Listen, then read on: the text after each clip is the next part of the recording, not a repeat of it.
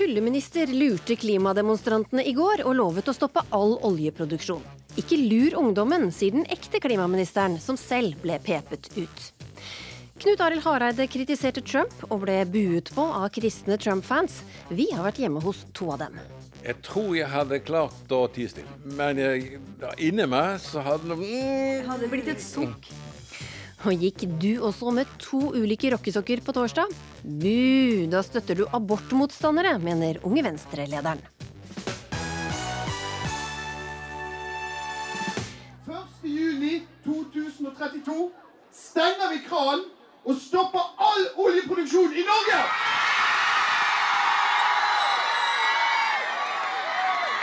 Ingen skal få fravær på å være her i dag. 40 000 skoleelever streiket over hele landet i går med krav til politikerne om å gjøre noe med klima nå. Og en liten stund så runget jubelen foran eh, Stortinget da det som så ut som utviklingsminister Dag Inge Ulstein sa at all oljeproduksjon skulle stoppes fra 2032, og han lovte også gyldig fravær til alle demonstrantene. Men så viste det seg altså bare at det var NRK Satiriks eh, som var ute og tulla med demonstrantene. Og Rosol Molhem, du går i 9. klasse på Einåsen skoleavdeling Belset, og du var en av de tusenvis som eh, streika i går. Og hva tenkte du da du så liksom-ministeren talte til dere? Eh, På starten så tenkte jeg jo ok, endelig er det noen som faktisk bryr seg. De ser oss, det er mange som bryr seg. Eh, endelig, liksom. Eh, og jeg tenkte ja, OK, greit. Det, er, det har vel eh, Da har vi vunnet, da. Mm. så alt gikk som planlagt for elevene, eh, til vi fant ut at det bare var tull på slutten av dagen. Ja, Når var det du skjønte at det var eh, tull? Eh, Når jeg kom hjem og åpnet eh, mobilen og var på sosiale medier eh, og eh, så gjennom eh, stories på Snapchat, og der sto det at alt bare var tull, og at alt lå på Dagbladet og VG og alt det der. Så jeg gikk inn på Dagbladet for å sjekke om alt eh, stemte, og at det bare var tull. Eh, Og ja, det stemte. Hva syns du da om at de voksne folk tulla med dere på den måten? Det er veldig dårlig humor. Det er ikke greit. Fordi altså hva, hva er liksom vitsen med det? det er, hvorfor ser dere ikke at det er så mange som bryr seg? Eh, det er liksom, vi er fortsatt kjempeunge, og det var jo bare ungdomselever og videregående elever der som faktisk brydde seg og sånn. Eh, og ja, jeg syns bare det ikke var greit. Hvordan opplevde du det å streike, da, rent bortsett fra tulleinnslaget? Uh, jeg syns faktisk det var veldig morsomt. Jeg ble jo kjent med nye folk, og det var hyggelig å se at det var så mange som brydde seg. Og um, ja. Mm. Takk skal du ha for at du tok turen hit til uh, ukeslutt, Rosol uh, Molhem. Ungdom som eh, ikke ville skulke i går for å være med på klimastreiken, ja, noen av dem løp fra skolen da de fikk eh, meldinger fra medelever om at eh, ministeren sa at alle fikk gyldig fravær. Men Stig Morten Våge, du er prosjektleder i NRK Satirik, så det var jo bare dere som lurte de klimastreikende elevene. Og ikke god humor, hørte vi Rosol si her før låta. Syns du selv det ble morsomt? Altså Innslaget i seg selv, hvis du ser det eh, programmet som kom ut i går, så vil du se at det er veldig morsomt. Og det fungerer veldig fint i sin sammenheng. Og der vil vi også se at vi er på elevene sin side. At vi er positive til at de streiker, og at vi sparker oppover, ikke mot elevene. Men hva gjør at det er greit å lure ungdom på denne måten, da? Nei, altså Det vi ville gjøre, det var å tydeliggjøre det gapet som finnes mellom elevene sin eh, klimapolitikk, eller det de ønsker er skal være klimapolitikken, og det som er den offentlige klimapolitikken. Og Det er jo ikke noe nytt at eh, ungdom er radikale i disse tankene, eh, men det var altså det vi ville tydeliggjøre. Klima- og miljøminister Ola Elvestuen, hva syns du om eh, stundet til Satiriks? Nei, nå syns jeg de bomma litt. Jeg syns at de, de elevene og ungdommene som var der, de var der for å demonstrere for en på et veldig alvorlig tema. Og da syns jeg vi som også snakker, at vi skal snakke sant. Eh, For de som var der, de, de forsto jo ikke dette og ble jo, ble jo lurt av det trikset. Så det, så det er det ene. Og det andre er også at man risikerer man gjør sånn, at diskusjonen endrer seg. At da blir det en diskusjon om stunt og Satiriks, og ikke jo det som er hovedtema, nemlig det at de demonstrerer for en mer offensiv klimapolitikk, og at vi må gjøre mye mer enn det vi gjør i, i dag. Ja, altså vi, vi, var jo på toppen av eh, nettavisene i en sånn fem til ti minutters tid, og så falt vi fort ned, og klimastreiken var over oss igjen hele veien. Så jeg tenker jo at vi ikke jeg tenker at vi ikke tok oppmerksomheten bort fra, fra, klimastreiken. Det håper og tror jeg ikke, men at vi bare eh, hva skal vi si, ga en ekstra humor inn, inn i det. Det er jeg enig i. Jeg syns det mediebildet, også det du ser i dag, så er det veldig bra at det er, at det er ungdommen, det er elevene som har, som har, hovedoppmerksomheten. Det er de som er den store nyheten. Det er de som har klart å gjøre noe eh, som ingen andre har gjort tidligere. Det Greta Thunberg har fått til ved å sette seg utenfor Riksdagen i, i Sverige, har endret hele diskusjonen internasjonalt om klima. De to viktigste hendelsene i fjor er den, ja. og så er det 1,5-gradersrapporten fra FN, som kommer til å vise det alvoret. Satirik sier jo at de klarte å levere det som du som minister og det som regjeringa ikke klarer å levere til eh, disse barna? Ja, nå sa du jo de, de fikk jubel på demonstrasjonen. Det er ikke å levere den klimapolitikken. Det å levere klimapolitikken handler om de konkrete resultatene. Da må du ha en omlegging av økonomien, så vi går bort fra oljeavhengigheten vi har i dag. Vi må fullføre den totale endringen av transport for å elektrifisere bilparken. Gjøre det samme innenfor tungtransport, få helt ny skipsflåte uten utslipp. Det er å levere på denne politikken. Men du hadde jo ikke så mye å la dem juble for Eh, i går. Det ble en liten pipekonsert. Ja, jeg måtte være ærlig når, de, når, de, når, man roper at vi skal stoppe alle, alle oljelisenser nå i dag. Så kan ikke jeg levere på det med den makten som jeg har, og det sa jeg. Men jeg sa også at vi må forberede oss på en tid, også i Norge, eh, hvor du ikke kan få nye lisenser, for den tiden kommer. Men når, det kan ikke jeg si i dag. Våge, burde ikke denne satiren rammet de voksne og ikke barna? Eh, jo, altså Vi mener jo at den i, i, i, siste, i siste, instans gjør det, nettopp det. Eh, det vi, vi, opererer i virkeligheten, og vi, vi, ga barna et håp. og det er, eh, jeg tenker at det er, det er, selvfølgelig trist at mange opplever at det håpet blir knust igjen av, av, oss, og at noen blir lei seg for det. Men vi ser også at vi har fått mange tilbakemeldinger på at mange forstår det vi gjorde, og uh, syns det var et bra stunt. Og så tenker jeg at ja, Eh, altså, vi eh, OK, vi skuffet noen, da. Men eh, da tenker jeg at da har jo Elvestuen her har et kjempegodt utgangspunkt for å kunne klare å glede denne ungdommen igjen. Og det er det vi håper at dette stuntet kanskje også kan bidra til å legge press på politikerne. Ikke til å, jeg skal ikke si hva slags politikk som skal gjennomføres her, men uh, å få fram stemmen til ungdommen er det vi prøver på. Har du tro på det? Dette var til hjelp for deg? Det, det, det, var det de 40 000 ungdommene. Det var de som klarte å få frem sin stemme i går. Og det er de som har skapt denne, denne bevegelsen. Og så er det viktig for meg å si at den, også den 1,5-gradersrapporten den forteller to ting. Det ene er hvor alvorlig situasjonen er. Vi risikerer å miste både polisen og alle korallrev og ha endringer som vi ikke ikke har en gjenkjennelig verden etterpå. Men den andre, som den samme rapporten sier, er at dette er mulig å, å gjøre noe med. Det er mulig å holde verden under 1,5 grad, men da må vi gå framover. Vi må ha teknologiutvikling, du må ha den næringsutviklingen, du må ha et lederskap som gjør at vi holder oss under 1,5 grad. Dette går an, men det kreves veldig mye arbeid, og du må gjøre mye mer på alle felt. Og Det er det budskapet jeg mener vi har fått med oss også fra de demonstrasjonene i går. Ja, for det var vel det de ville at dere skal gjøre mer, litt uh, raskere enn det dere gjør. Men er det ikke da du som skuffer, uh, du og regjeringa, som skuffer disse mer enn hva Satiriks gjør med sitt uh, opplegg? De vil jo ha reell handling. Du, Jeg meldte meg inn i Venstre sin tid pga. klima- og miljøpolitikken. og Alle posisjoner jeg har hatt, så gjøre så mye som jeg klarer. På noen områder ligger vi helt i front. Innenfor transport så gjør vi det, med elbilsalget, med tungtransport, med skipsfart.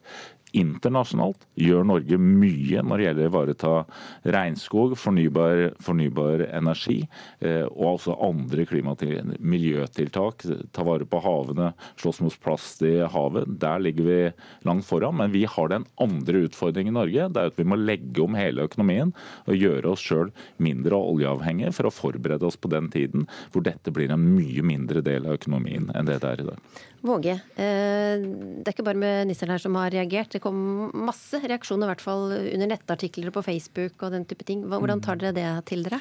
Nei, Vi tar det jo til oss og ser at eh, for noen, i forhold til noen så har vi nok eh, bommet på timingen litt. Altså Vi burde nok ha sagt fra tidligere at det var satire. Beskjeden ble gitt fra Natur og Ungdom, og dette ble også gjort i samarbeid. Stuntet ble gjort i samarbeid med Natur og Ungdom, som var arrangør. Og det, det ble sagt ifra over høyttaleranlegget Eh, etter hvert, men det kunne nok ha blitt sagt fra litt tidligere. Og det får vi ta til oss eh, ved neste anledning. Dere har brukt Teige to ganger til å lure oss om at han er bistandsminister. Går det flere ganger? Nå har vi, vi, har, vi klarte bare å lure media én gang, for det var ingen som beit på denne gang nummer to. Eh, så jeg tenker at det kan godt hende vi benytter han en gang til, men jeg tipper ikke at vi klarer å lure noen. Nei. Takk skal dere ha, Ola Elvestuen og Stig Morten Våge. I dag har det vært eh, demonstrasjon i flere byer til støtte for eh, kunstnerne bak teaterstykket Ways of Seeing. Du vet, eh, stykket som viser bilder av huset til justisminister Tor Mikkel Wara.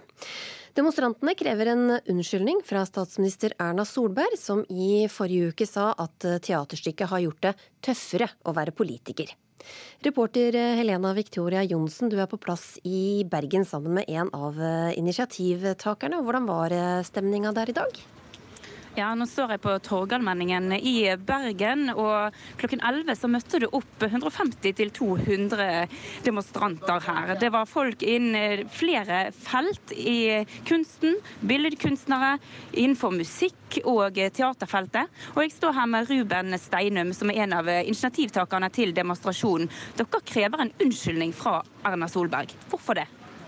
Eh, vi må være trygge på at vi har en statsminister som ser de prinsipielt problematiske i det å gå inn og synse om en pågående straffesak. Og det vi ser at hun samtidig gikk langt i å forhåndsdømme en gruppe kunstnere da, som satte opp et maktkritisk stykke som vi ser det da, altså Når Erna sa at kunstnerne bak dette stykket Ways of Seeing gjør det tøffere å være politiker, i en sammenheng hvor det hadde vært en rekke trusler mot justisministerens bolig, så mener vi det var å gå langt i å si at det faktisk var utrygt å bli, bli politiker. Og når hun da så å si legger skylden på kunstnerne, så viser det en mangel på forståelse for eh, egen rolle og makt. Det må Erna vise at hun klarer å reflektere rundt, og også unnskylde. Stortingsrepresentant Anette Trettebergstuen ber i neste uke Solberg om å svare på kritikken i Stortingets spørretime. Hva tenker du om det? Det er jeg veldig glad for, fordi dette her er et prinsipielt viktig spørsmål.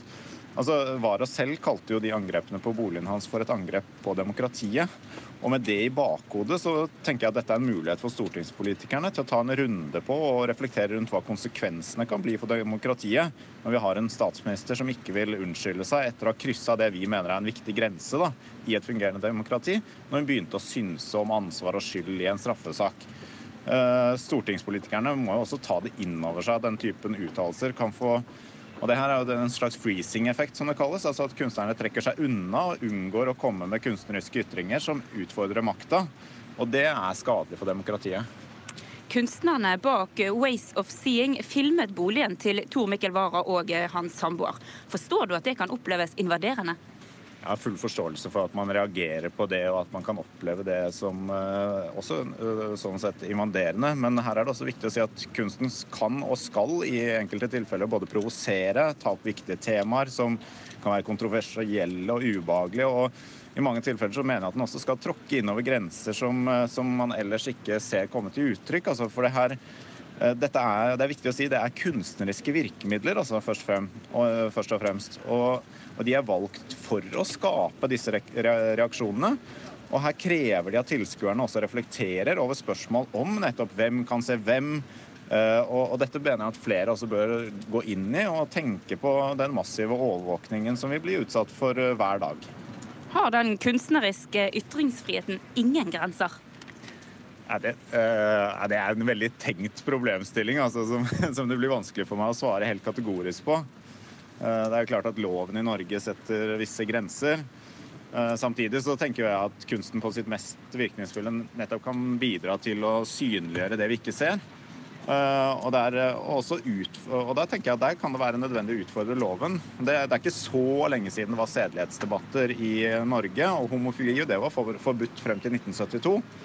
Og det er lover som kunsten utfordra med god grunn og som i dag eh, de fleste opplever som selvsagt at ble fjernet.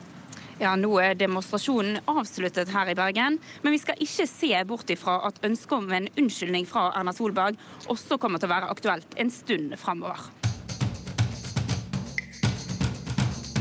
De siste to ukene har vært preget av nyheter som har fått Norge til å stoppe opp og kanskje si hva i all verden er det som skjer? For eh, da Tor Mikkel Waras samboer Laila Anita Bartheussen ble sikta for å ha tent på parets bil, virket det nesten for utrolig til å være sant.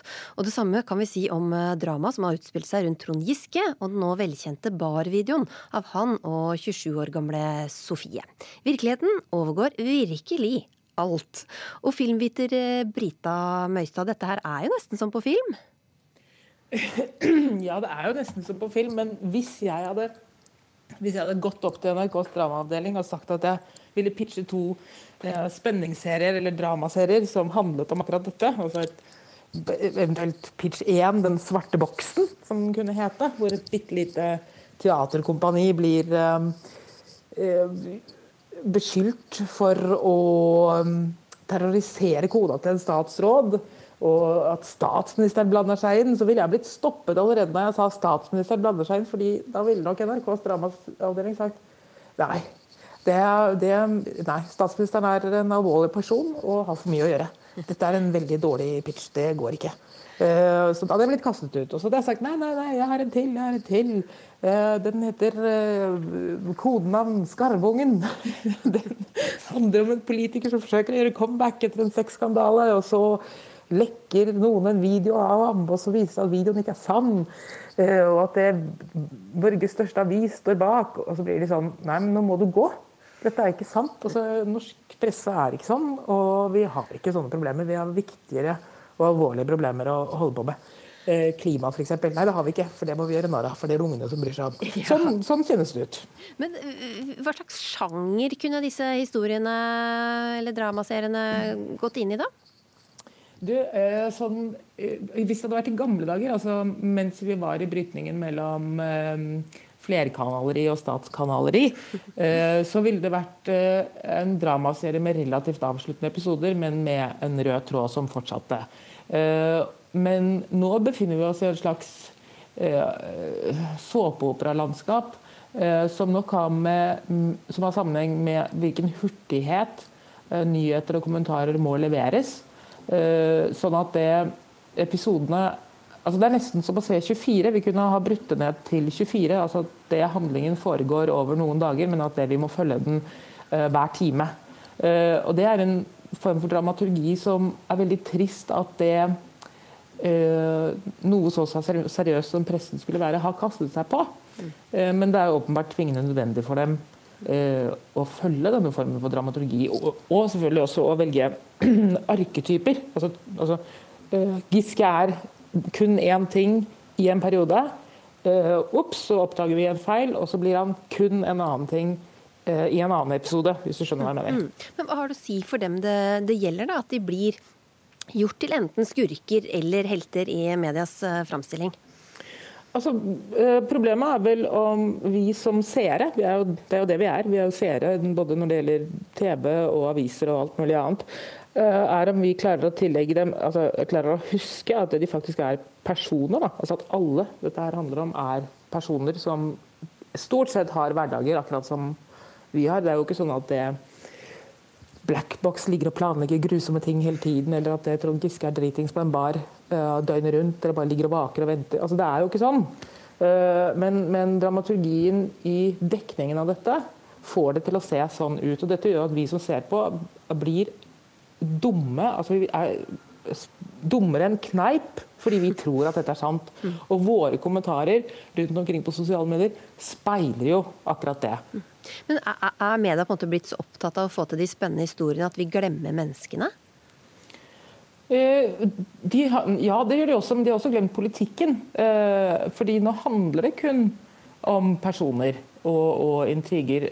Jeg tror ikke noen kan rekke opp hånden og, og, ramse opp et partiprogram og si at dette er det det handler om. Det handler nå mer om personene. Men journalistene som dekker dette, har jo også blitt en del av denne såpebrannen. At de skriver seg selv inn. Uh, I gamle dager var de på en måte bare leverandør av et slags av en analyse eller en kommentar som sa at dette er det som egentlig har foregått, men nå skriver de seg selv inn i handlingen før handlingen er over. Mm. Sånn at det, eh, konklusjonene de kommer til, blir dramatisk feilaktige. Men i går kveld da, så ga Knut Arild Hareide støtte til VG-journalisten på Facebook. Hva, hva, hva, tror du kommer til å bli klimakset i denne, denne filmen? Sesong to, mener du? Ja. ja. Nei, eh, du, jeg vet ikke. Eh, jeg håper jo at det blir en slags sånn Watergate-aktig slutt. At det, at det, går bra, og at noen må gå. Eh, og at, det, at rettferdigheten skjer fyllest en eller annen gang. Men at Hareide klemmer noen, det er jo ikke så uvanlig. Det er jo på en måte jobben hans. Brita Møystad, vi må sette på rulleteksten for uh, denne praten her, men takk for at du var med. Og så kan vi jo si at uh, sluttmusikken for denne serien eller filmen, det blir Emma Steinbakken og Not Gonna Cry. Vi skal til uh, Senterpartiets landsmøte. Men jeg begynte å tenke på tippoldeforeldra våre. Og hvilken enorm reise hadde vært fra tippoldeforeldra våre, som bodde på et enkelt, karrig fjellbruk med knallharde dager og masse slit fra morgen til kveld, til der vi dansa rundt nå. Det er historia om eh, jeg vil fortelle historie. Det er historia om farfaren min, Trygve Vedum. Det var veldig veldig enkle kår.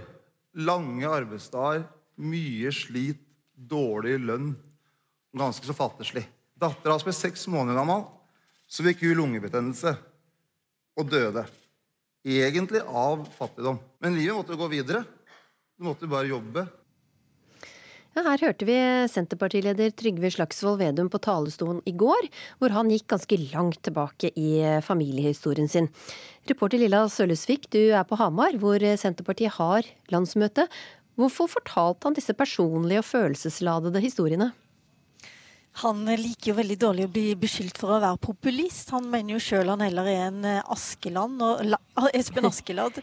Og han trakk jo linjene til farfaren sin, som hørtes som uh, vokste opp, eller som bodde og jobba i veldig fattigslige kår. De bodde jo tre-fire familier sammen der, og faren vokste også opp der. Og han uh, fortalte bl.a. om faren som etter hvert da ble tatt hånd om av Oline når begge foreldrene ble eh, døde. Og Oline sørga da for at faren til Trygve Slagsvold Vedum fikk seg en lærerutdanning, og senere kunne ta seg av andre som hadde falt utenfor. Og når han forteller den historien, så tror jeg nok det er litt sånn for å vise at eh, hans eh, engasjement for dem som faller utenfor, som er utenfor eliten, det er ektefølt og ikke noe sånt som man gjør bare for å være populist. Vi skal også høre mer om birøkteren eh, Slagsvold Vedum litt senere i, i sendinga. Men vi hører det er applaus i, i, bakgrunnen der på landsmøtet, og Senterpartiet har jo en oppslutning på 15% på de siste målingene. Er dette her en seiershelg for partiet? Eh, de er veldig glad og fornøyd, og det er god stemning. Men først og fremst er dette en samling der de planlegger hvordan seieren skal hankes inn i september, da det er kommunevalg, og de satser på at de skal gjøre det beste lokalvalget noensinne. Og det de da skal unngå, det er jo opprivende diskusjoner. Det du hører i bakgrunnen nå, det er en eh, klimadebatt som akkurat har starta, og som vel er det lille spenningsmomentet her på dette landsmøtet.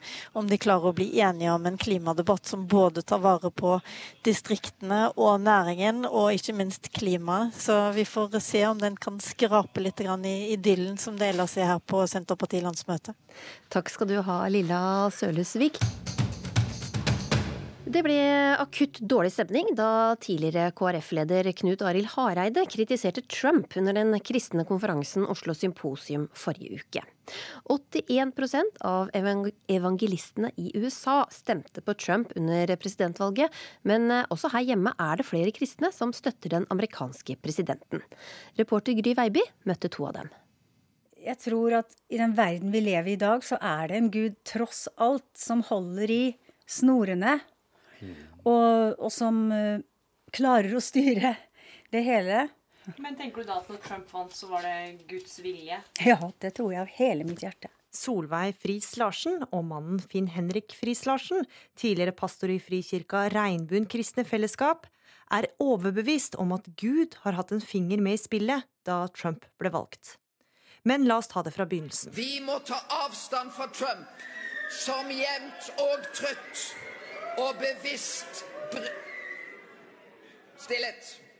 Stillhet. Tidligere KrF-leder Knut Arild Hareide fikk ikke akkurat en varm respons da han sto på scenen under den kristne konferansen Oslo Symposium. Som jevnt og trøtt lyver. Og selv om vi vet at mange kristne i USA stemte på Trump, er det sjelden vi hører så høylytt støtte for Trump her til lands. For det er ikke til å komme unna. USAs president er ikke spesielt populær, verken blant norske politikere eller aviskommentatorer. Hva får du høre når du sier at du syns Trump gjør en god jobb? På Debatten på torsdag kunne vi høre varaordfører i Bergen avsløre at det å støtte Trump er noe hun ikke har flagga høyt. Jeg er veldig forsiktig med å si det, for det første. Men jeg, jeg syns at vi, vi må òg dele noen av de positive sidene han har gjort. Hvorfor er du forsiktig? Nei, altså Det er et veldig ømtålig tema. Jeg var derfor glad da jeg fikk komme hjem til noen av Trumps tilhengere. Neimen, se her, vet du. En varm velkomst. Jeg pleier å gi en god klem, jeg. nytrakta kaffe og ferske rundstykker. Bibler ligger rundt omkring i stua. Solveig er veldig flink til å lese. Hun har lest gjennom Bibelen minst én gang i året siden 1988. Så det er eh, det er 32. gangen. Det, sa du. Man kan kanskje kalle seg hjernevasket. Vaske hjernen sin litt. Finn Henrik og Solveig har ingen problemer med å gi den amerikanske presidenten støtte. De verdiene som vi vet at Trump hevder, det er jo kristne verdier. Mange av dem. Mange av de, med spesielt liksom med menneskeverdet og Ja, han har til og med innført bønn igjen i skolen, ikke sant? En, en ting som jeg, jeg syns er ganske enestående ved Trump, behøver ikke bli president. Han gjør jo det for å redde USA. Men ville aldri bua om noen mente annerledes enn dem. Jeg tror jeg hadde klart å tie stille. Ja, det hadde jeg klart å tie stille òg. Men jeg, da, inni meg så hadde det mm, hadde blitt et sukk. det hadde blitt ja. Man skal respektere hva de andre sier. Jeg hadde sukka dypt. Så åh, nå sitter den i klisteret, hadde jeg tenkt. Ja. Så, så, så han må få lov å, å si det som han mener, og som eh, han står for. Han er modig, han òg. Ja da, og jeg har selv talt på Oslo Symposium to ganger. I år var, var jeg ikke derfor vi var bortreist, men eh, jeg syns jo ikke det at det er en oppførsel som er det kristne verdig. Mange vil mene at det Trump sier og gjør, heller ikke akkurat er en kristen oppførsel verdig. Such a nasty woman. I don't remember. You can do anything. Grab him by the pussy. No, no, you're telling Men er dere enige i alt Trump sier, da? Nei, er du helt på styr. Nei, det, altså, enig i alt han sier, men hvem er enig i alt han sier? og hvem, hva, altså, Om han sier noe fleip eller noe, noe ufint og sånn og sånn altså, La det gå inn det ene øret ut det andre, bare han får gjennom politikken sin.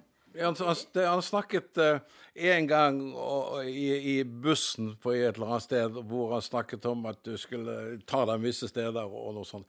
Og de har liksom blitt da at han snakker nedsettende om damer. Eh, det, det, det er klart at det, det han der sa, det var upassende. Men tenk Men, det, men tenk sånn, på alle de andre som, som sier det som andre steder. Andre steder, ikke sant? Det, og han har jo beklaget det. Og det, det som han sa om en funksjonshemmet, det tror jeg også han har beklaget, for det var ikke sånn han mente det. Uh, og, og jeg tenker vel som så at hvis noen går ut og beklager ting, så glemmer jeg det. Jeg er ferdig med det. Jeg plukker ikke opp igjen.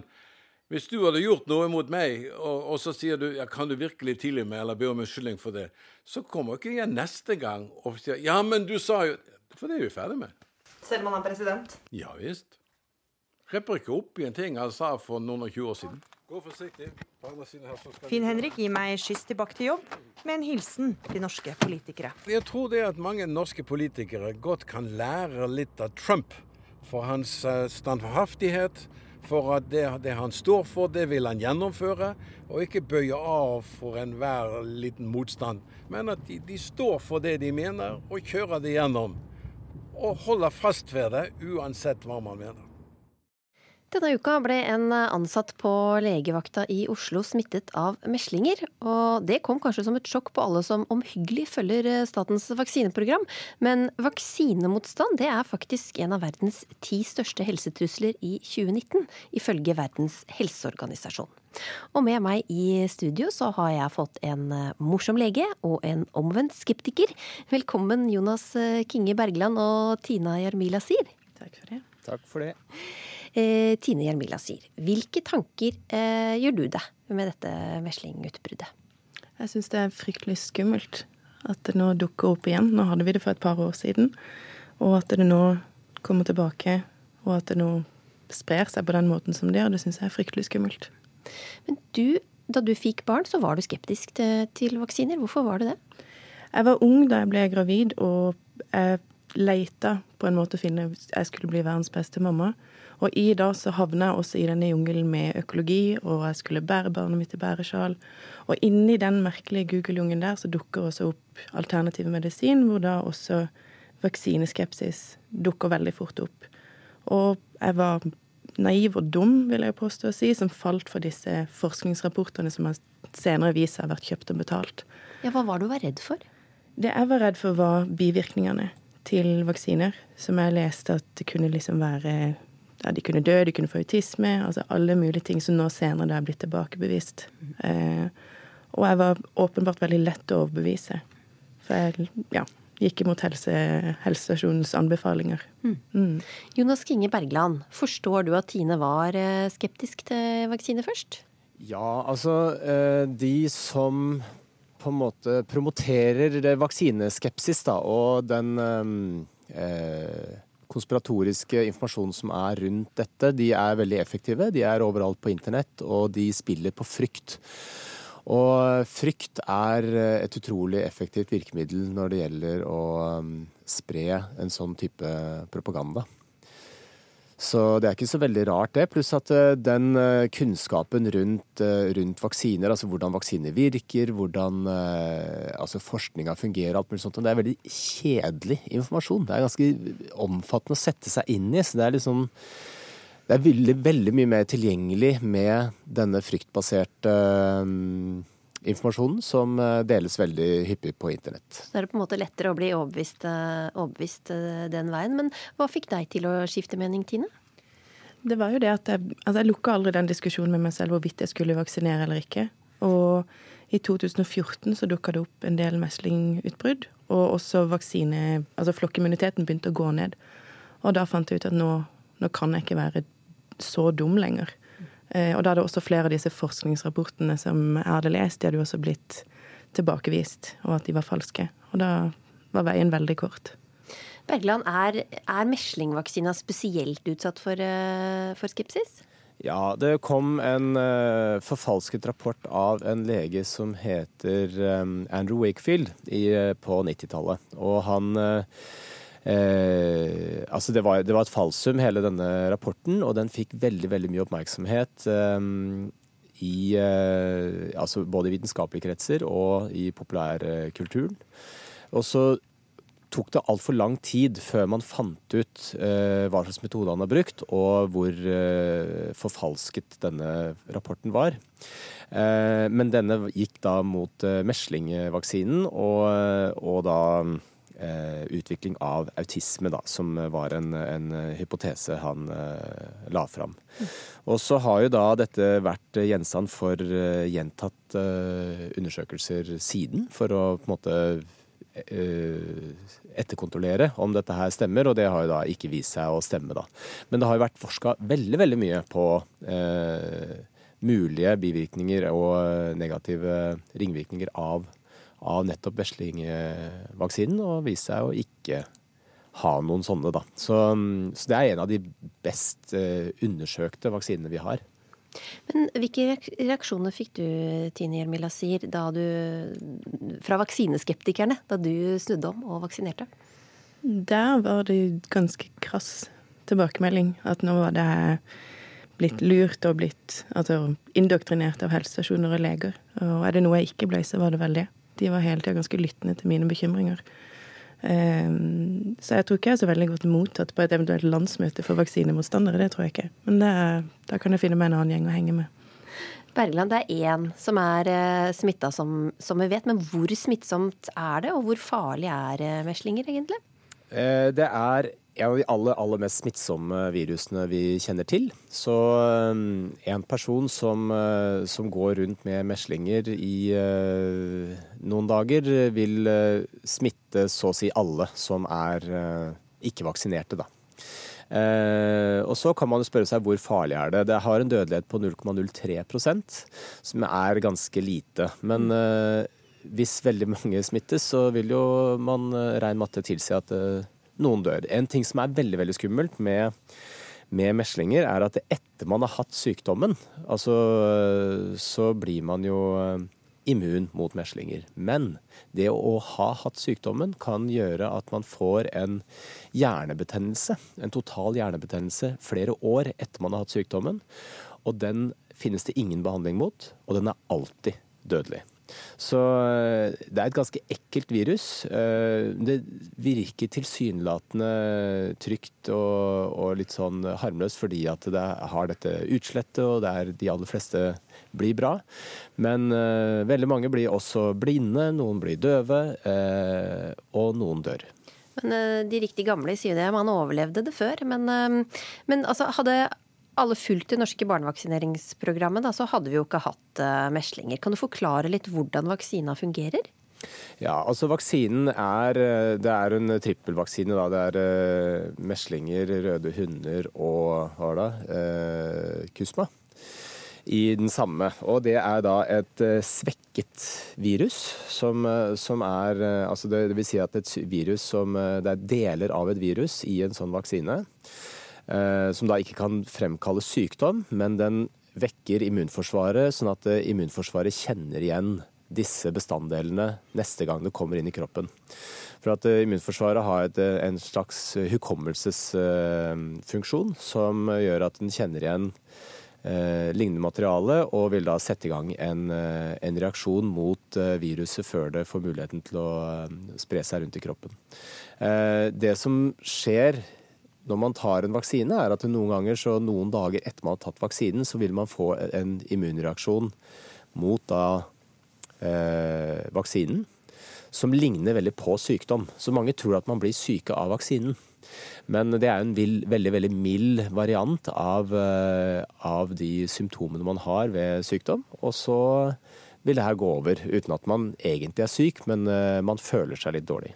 Tine, nå har vi fått veldig mye fakta på, på bordet her. Hva tror du skal til for å overbevise vaksineskeptikerne? Jeg vet ikke om de som stiller seg, altså de som er i front av denne her vaksinemotstanden, jeg vet ikke om de noen gang vil bli overbevist om at kanskje vaksiner er OK. Men jeg håper jo at med å gi informasjon, fortsette å gi informasjon, litt den teskje-mentaliteten, at kanskje det kan, kan hjelpe. Og jeg tror også at hvis foreldre kommer til helsestasjonen og foreldre sier at de er skeptiske til vaksiner, så lytt til informasjonen de kommer med. Les disse rapportene som de kommer med som gjør at de er skeptiske. Ikke bare kom med den samme gamle leksa, for den har de hørt flere ganger. Mm. Men se på konkret hva er det de er redd for. Gjør innsatsen med å lese de, de kjedelige rapportene. Les de kjedelige Tusen takk rapportene. Tine Jarmila Sier og Jonas Kinge Bergland. Og hvis du der hjemme sitter og lurer på om du er beskytta mot meslinger, så kan du gå inn på helsenorge.no og få full oversikt over hvilke vaksiner du mangler.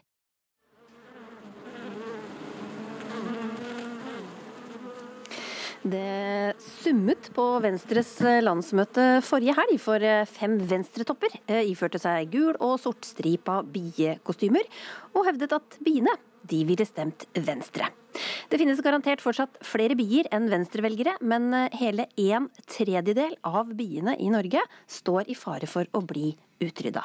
Og Sveinung Rotevatn, statssekretær i Klima- og miljødepartementet for Venstre, du har lagt igjen biokostyme i dag, men eh, hvordan var det å bøsse rundt forrige helg? Eh, nei, hva skal en si. Det, det, er mye en skal gjøre for partiet. Eh, men det var i grunnen helt OK, det. Eh, det var jo en anledning til å gå litt rundt og få folk til å stoppe opp eh, og snakke om eh, nettopp den trusselen som det biologiske mangfoldet vårt generelt, og insekter spesielt, står overfor som følge av bl.a. global oppvarming. Så det var jo en måte å få fokus på det som skal være en viktig venstrekampanje i vår, nemlig kampen for det biologiske mangfoldet og for å ta vare på naturen rundt oss. Vi har også med oss en eh, birøkter, nemlig Trygve Slagsvold Vedum, også kjent som leder for eh, Senterpartiet. Dette stakk deg. Hva følte du da du så venstrepolitikerne i biekostyme? Jeg synes det er et symbol på hvordan Venstre har blitt. At den er mer opptatt av symboler, eh, ord enn praktisk handling. Eh, Den løp rundt med fem, fem synes Det illustrerer forskjellen på Venstre og Senterpartiet. Der Senterpartiet har konkrete løsninger der vi faktisk gjør en forskjell, så er Venstre mest opptatt av show og sirkus. Så det var, eh, det var bakgrunnen for min uh, runde i VG. Og så syns jeg at Venstre dessverre har blitt et sånn veldig sånn moralistisk parti, som veldig ofte moraliserer over folks liv. De er avhengig av bilen, og de er avhengig av å pendle, og de spiser kjøtt til middag. Så virker det nesten som det er noe, noe gærent å leve helt vanlig liv. Og da var den der bistuntet også et eksempel på at det virker som symbolene er viktigere enn en praktisk handling. da. Hva syns du om kritikken fra Vedum Rotevatn? Nei, altså. Um, jeg er jo vant til å tenke på Senterpartifolk som veldig trivelige og joviale mennesker, og det gjelder jo også uh, Trygve Slagsvold Vedum i høyeste grad. Men jeg må jo si at uh, jeg tror han må ha stått litt opp på feil fot uh, den dagen han bestemte seg for å irritere seg over at Venstre har en kampanje for biologisk mangfold og forsøker å være litt uhøytidelige rundt det. Det var så vidt ikke så lenge siden jeg var i debatt med Senterpartiet når det hissa seg voldsomt opp over at klima- og miljøministeren hadde en kakepynt på bryllupskaka si. Så jeg vet ikke helt hva som har skjedd med Senterpartiet, om de har slutta å være blide og morsomme og begynt å bli fryktelig alvorlige. Men det som i og for seg er alvorlig, er jo trusselen mot det biologiske mangfoldet. Og det ligger et ganske djupt alvor bak dette stuntet også. Vedum, har du helt mistet eh, humøret? Nei, jeg har veldig mye godt humør, jeg, altså. Men det er at jeg, synes at I miljøpolitikken så er Venstre så god på slagord og det her er fine brosjyrene, men lite på handling. Altså, når det gjelder, altså, akkurat når det gjelder insekter, så er det litt viktig at vi dessverre også har litt dårlige tall på hva som reelt sett er utfordringa i Norge. Så det var jo internasjonale tall som ble slått veldig stort opp.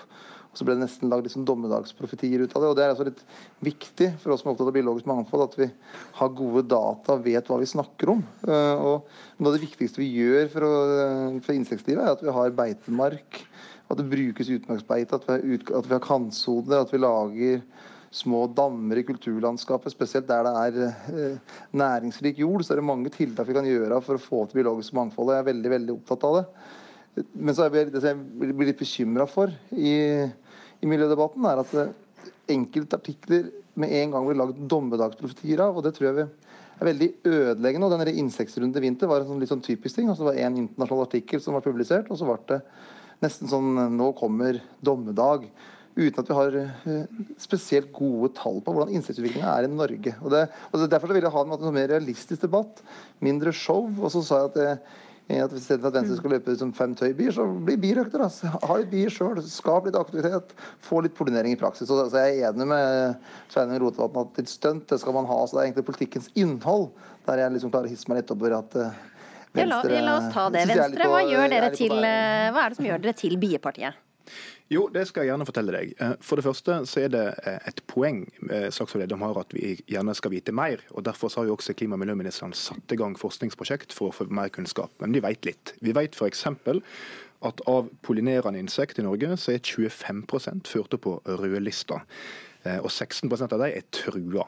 Så det er ingen tvil om at vi også har et problem her. Og hva gjør vi med det? Jo, vi gjør noe som Senterpartiet er veldig lite glad i, og som Slagsvold Vedum brukte landsmøtetalen sin på å gå kraftig imot nemlig at vi verner en del av de naturområder som er veldig viktige for insekt. F.eks. myr og våtmarksområder, som vi har foreslått å forby nydyrking av. Det er Senterpartiet kjempeimot. Skogvern er kjempeviktig for å ta vare på en del sårbare insekt.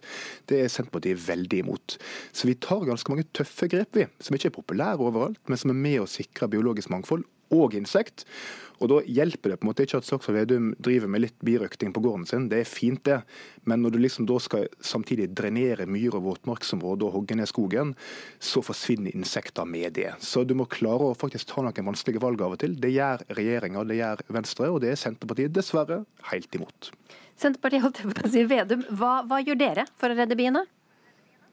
Altså, for, altså det, jeg er så uenig i måten tenkninga som regjeringa har, at man skal sitte på lang avstand og, å verne eh, og over til lokalbefolkninga. Altså, bare ta på min egen gard, så har vi gravd rundt fem dammer som handler om biologisk mangfold. Men vi skal vel redde mer enn biene rundt gården din. Hva gjør dere for å ta det store grepet? poenget, det er det som er poenget, er at når du spiller på lag med de som har en gard, og som lave grunneiere, så kan du få gjort masse tiltak. For det er mange som har lyst på å grave en dam, sørge for at det er noen kantsoner som er igjen, eh, og bidra aktivt til å fremme det biologiske mangfoldet. For det er jo folk som driver med matproduksjon, er jo veldig glad i natur. Og det er jo der jeg syns Venstre ofte bommer, for den føler at man kan sitte og vedta planer i Miljøverndepartementet i Oslo langt unna virkeligheten, og så får en ikke det ut i praksis. Så man spiller på lag med de som bor i Trysil eller som bor i Hedmark, og så vet vi, eller bor en annen plass i Distrikts-Norge, og så vet vi at noe av den viktigste måten å få opp eh, et eh, rikt innsiktsliv, er jo beite. Bruk av beite. Og der er jo den der rovdyrpolitikken som regjeringa fører, helt feilslått. For det gjør at utmarksbeitet går ned. Og når utmarksbeitet går ned, så blir også dette en dårligere fauna, og det blir dårligere biologisk mangfold.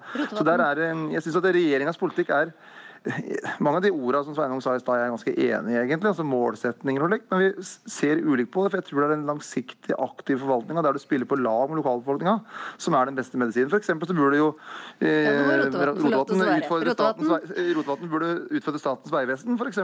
på å slå mindre grøftekanter etter veien. Det var et veldig konkret enkeltgrep som hadde bidratt til mer biologisk mangfold. Og Det utfordrer vi deg på. og Mange av de tingene som Slagsvold Vedum snakker om her, som han og andre bønder får tilskudd for å gjøre, har kommet på plass under denne regjeringa. Så vi er veldig for en del sånn målretta tilskuddsordninger som du kan gjøre på gården for å ivareta insekt. Men det hjelper jo ikke at du f.eks. har en liten dam på gården din, eller at du ivaretar en blomstereng med den ene handa, samtidig som du bruker den andre handa til å drenere et digert våtmarksområde for å dyrke korn der. Det er jo det Senterpartiet vil. Eh, Og det gjør at da ødelegger du leveområdet til en masse av de insekter som er så trua. Så Derfor er det viktig å verne myrområdet. Og av samme grunn så er det viktig å verne en del gammel og artsrik skog, eh, der eh, en har leveområder til disse insekter. Så Problemet med Senterpartiet er jo her som i veldig mange andre saker, at de for en del positive tilskudd som handler om støtte til bønder, det er fint det. Men så er de mot alle vernetiltakene eh, som sørger for at du kan opprettholde artsrikdommen i sin naturlige habitat. Og vi klarer å gjøre begge deler. Senterpartiet klarer bare å gjøre én av delene, dessverre. Da sier vi takk til eh, Bia Sveinung Rotevatn og birøkter Trygve Slagsvold Vedum. Og nå skal det handle om lykke, for hva er det som gjør deg lykkelig? Um, jeg syns det er gøy å være med venner, fordi man kan være sammen og ha det gøy sammen. Å, og kose med hunden min, f.eks. Eh, og gå en tur ut i frisk luft og tenke for seg sjøl. Ja, det er mange ting. Det er jo eh, det er klart det at det å være sammen med gode venner og familie og ha det bra, det gjør meg lykkelig. Hva er det som gjør deg lykkelig? Eh, det er å synge. For jeg liker veldig godt å synge. Det som gjør meg lykkelig, er å Egentlig det å være med i frivillige organisasjoner. Det er vel egentlig bare fordi man er med i et fellesskap, kanskje. Og at man føler at man eh, jobber for noe man står for. Og det tror jeg er veldig viktig for mennesker. Mm. Det som gjør meg kanskje mest lykkelig, vil være eh, følelsen av mestring, få til ting. Um, og klare noe. Kjæresten min. Hun er så herlig og god. Og så gjør hun meg så glad. Norge er altså verdens tredje lykkeligste land, ifølge rapporten World Happiness Report, som kom denne uka. Men vi har rykket ned fra andreplass og må se oss slått av både Danmark og helt på toppen Finland. Så hva skal til for å bli lykkelig? Vi har søkt råd hos flere, men eh, starter med en som virkelig er opptatt av å ta vare på glimt av lykke i hverdagen. OK, første bit. Mm. Det er helt nydelig. Mm. Dette er lyden av hverdagsmagi på en helt vanlig torsdag formiddag. Unni Askeland spiser napoleonskake. Jeg spiser mandelstang. Jordbær var nesten for sunt til å ligge oppå en napoleonskake. Det skal være sånn litt fy å spise det. Og når det er et jordbær på, så er det liksom ikke fy lenger. Vi er verdens tredje lykkeligste land. Tror du at du trekker opp eller ned snittet? Jeg trekker det definitivt opp. En tier. Eh, Garantert.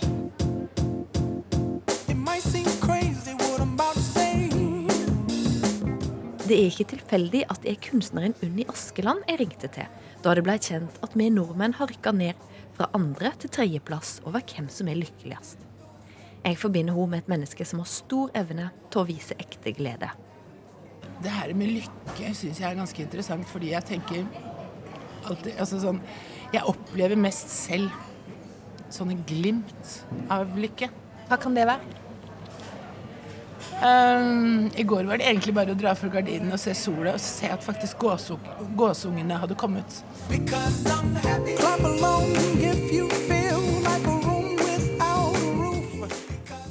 Likevel, vi er slått av, ja faktisk, Finland på førsteplass. Jeg vil takke livet som gjett meg så mycket. En av Norges mest kjente finner, historiker og forfatter Sanna Sarroma, har òg lagt merke til det. Gratulerer, du er på lykketoppen. Hvordan føles det?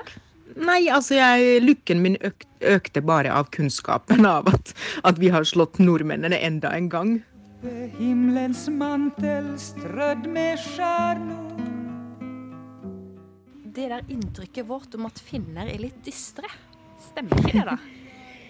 Jo, for så vidt. Jeg er dyster, jeg òg. Altså, jeg tenker at det er litt den der altså at jeg er litt, Kanskje det henger litt sammen også at, at forventningshorisonten nettopp er litt Eller forventningene er kanskje litt mindre og lavere, og at man er fornøyd med mindre fordi man i utgangspunktet er litt melankolsk og litt dyster.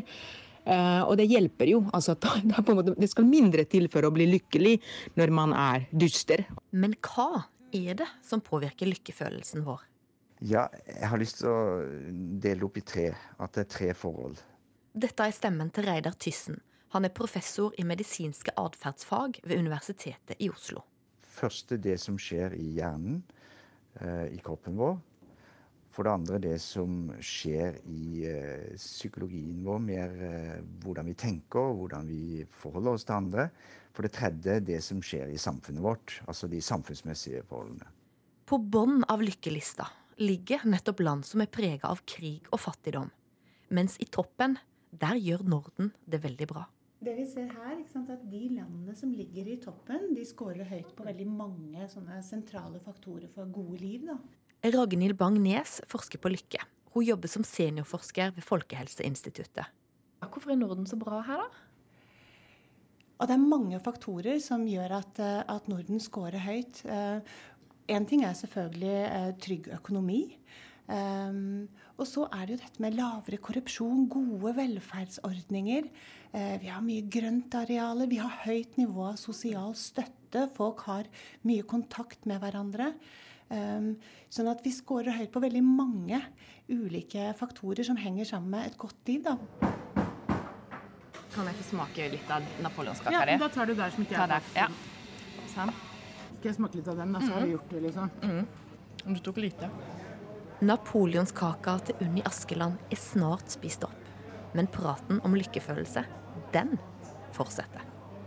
Jeg blir kanskje veldig glad veldig fort, da. Født sånn eller blitt sånn? Jeg tror jeg er litt født sånn, og så er jeg ikke så veldig bortskjemt. Jeg har stort sett um, Jeg strever for ting hele tiden.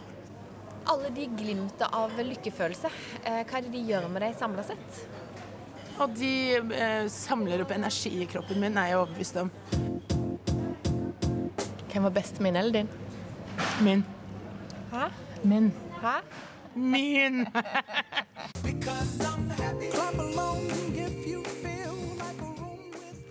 Det var reporter Ann-Kristin Listøl som var enig i at napoleonskaka til Unni Askeland var best. Torsdag denne uka så ble kanskje Facebook-feeden din fylt opp med bilder av føtter med to forskjellige sokker. Da var det nemlig verdensdagen for Downs syndrom, noe mange feirer ved å ta på seg en såkalt rockesokk. En hyggelig gest, tenker du kanskje, men eh, det er det jo ikke alle som er eh, enig i, blant annet du Sondre Hansmark, leder i Unge Venstre. Hvorfor plager eh, rockesokken deg? Altså, jeg er mest kritisk til de som står bak kampanjen Rockesokk. Og bare for å ha sagt det først, vi støtter selvfølgelig opp under FN-dagen om Downs syndrom, og vi støtter kampanjen for at alle mennesker er like mye verdt, uavhengig av egenskaper og diagnoser. Og syns jo også at det er på sin plass at man markerer det på en eller annen måte på Downs syndrom-dagen. Men Rockesokk-kampanjen er, jo en- er en kampanje som i stor grad blir koblet til stiftelsen og organisasjonen Menneskeverd. Som etter vårt syn har et, har et syn på, på abort, på kvinners rett til å bestemme over sin egen kropp, som ikke er forenlig med det verdisettet som mange har. Og jeg tror at veldig mange av de politikerne og samfunnsdebattantene som feirer denne dagen ved å ta på seg to ulike sokker og bruke hashtag rockesokk på sosiale medier, ikke nødvendigvis helt klar over den koblingen mellom denne kampanjen og menneskeverd. Nei, Men da kan du forklare hva er koblingen, da? Eh, Koblingen er at Hvis du for går inn på rockesokk.no, så kommer du på nettsidene til, til Menneskeverd. Mm. Og Dette er utgangspunktet en internasjonal kampanje som heter Lots of Socks, som Menneskeverd har på mange måter tatt eierskap til her i Norge. Eh, og jeg mener at dette, Det er fint å markere eh, verdensdagen for Downs syndrom med å ta på seg forskjellige sokker, men når man bruker rockesokk-kampanjen, så gir man legitimitet til organisasjonen Menneskeverd. Og jeg ønsker ikke at politikere i mitt eget parti og politikere, andre politikere på Stortinget skal bidra til å legitimere en organisasjon som er såpass mot abort som det menneskeverdet er. Morten Dale Sterk, generalsekretær i eh, Menneskeverd. Hva tenker du om kritikken fra Hansmark?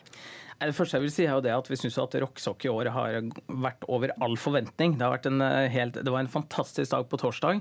Vi fikk en tidobling i våre aktiviteter. Eh, Men det er jo som Hans Mark selv sier, at dette er en internasjonal kampanje. og Det er ingen som eier den kampanjen i eh, Norge. Eh, Menneskeverd vi har eh, valgt å slutte oss til, til, og vi var nok de første som begynte å bruke hashtaggen rocksock i Norge, fordi det ikke var noen andre som gjorde det. Men vi er opptatt av at dette skal være flest mulig som deltar, og det har de gjort. Det er barnehager, politikere, enkeltpersoner, polit ja, eh, selv Hans Hansmark sin egen regjering tok jo på seg disse sokkene. Og jeg tenker at Det er å undervurdere statsrådene i Norge at ikke de vet hva slags kampanje de er med på. Og det er å undergrave tenker jeg, denne fantastiske kampanjen eh, hvis man oppfordrer folk til å ikke bruke rocksock-hashtagen. Fordi at det er Handikapforbundet, Norsk forbund for utviklingshemmede og eh, Downs syndrom-organisasjonen, for å nevne noen, som står bak denne kampanjen. Så det er de han rammer, og ikke menneskeverd. Hansmark, har det noe å si, da? Hvem som står bak, så lenge formålet er godt? Jeg mener det har noe å si, og spesielt når man Jeg regner med at rundt uh, rockesokkdagen så er det veldig mange som googler uh, rockesokk for å finne ut hva dette handler om. Og det første treffet man får opp da, er jo nettsidene til Menneskeverd. Og det at vi skal gjennom denne kampanjen styre mye trafikk inn mot f.eks. nettsidene til Menneskeverd, at man skal gi de økt legitimitet gjennom denne kampanjen, det syns vi skal være veldig skeptiske til. Og så har ikke jeg snakket med alle statsrådene, og jeg vet ikke om alle de kjenner koblingen, men jeg har i hvert fall møtt på veldig mange som ble veldig overrasket over denne koblingen mellom rockesokk og menneskeverd, som ikke nødvendigvis er klar over at det er i all hovedsak de som står bak denne kampanjen. Og så syns Ja. jeg at min egen partileder løste det på en bedre måte. Hun tok på seg to forskjellige sokker, tagget Norsk nettverk for Downs syndrom, og lot være å bruke hashtaggen rockesokk. For jeg er jo helt enig i at det å, det å feire mangfoldet på en sånn dag er viktig. Men vi vil jo påpeke den uheldige koblingen mellom den kampanjen og organisasjonen Menneskeverd. Ja, dersom man søker på rockesokk på Instagram, så kommer det opp nesten 20 000 eh, resultater. Sterk, tror du ikke mange av de som har lagt ut bilder, ønsker å vite at det er eh, dere som er blant dem som står bak kampanjen? Ja, altså Vår forståelse er jo at det er ikke at det er vi som arrangerer rockesokk i Norge. Det er en bredde av organisasjoner som står bak. Eh, og det er viktig for meg å presisere at grunnen til at rockesokk.no går til oss, var fordi det var vi som var først ute, og vi var opptatt av å få mest mulig eh, trykk i oppmerksomheten det første året. Men allerede fra 2018, som var det andre året, så var det mange organisasjoner som eh, hev seg på. Så vi er opptatt av å frigjøre kampanjer. Vi vil ha fokus på likeverd, på mangfold, på ulikhet. Og synes det er en utrolig morsom kampanje.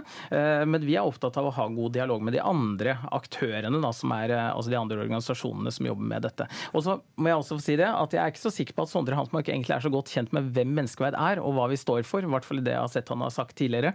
Eh, altså, Vi er ikke mot endringer i all bioteknologi, vi er bare opptatt av at samfunnet ikke skal gå i retning av sorteringssamfunnet.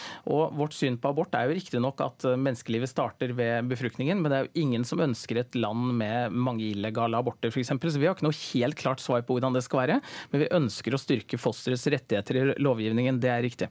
Hansmark, du sa til VG i går at du ønsker å kutte statsstøtten til menneskeverd. Hvorfor det? Nei, jeg, er jo, jeg mener jo at man ikke skal sponse abortmotstandere med 1,5 million kroner over statsbudsjettet.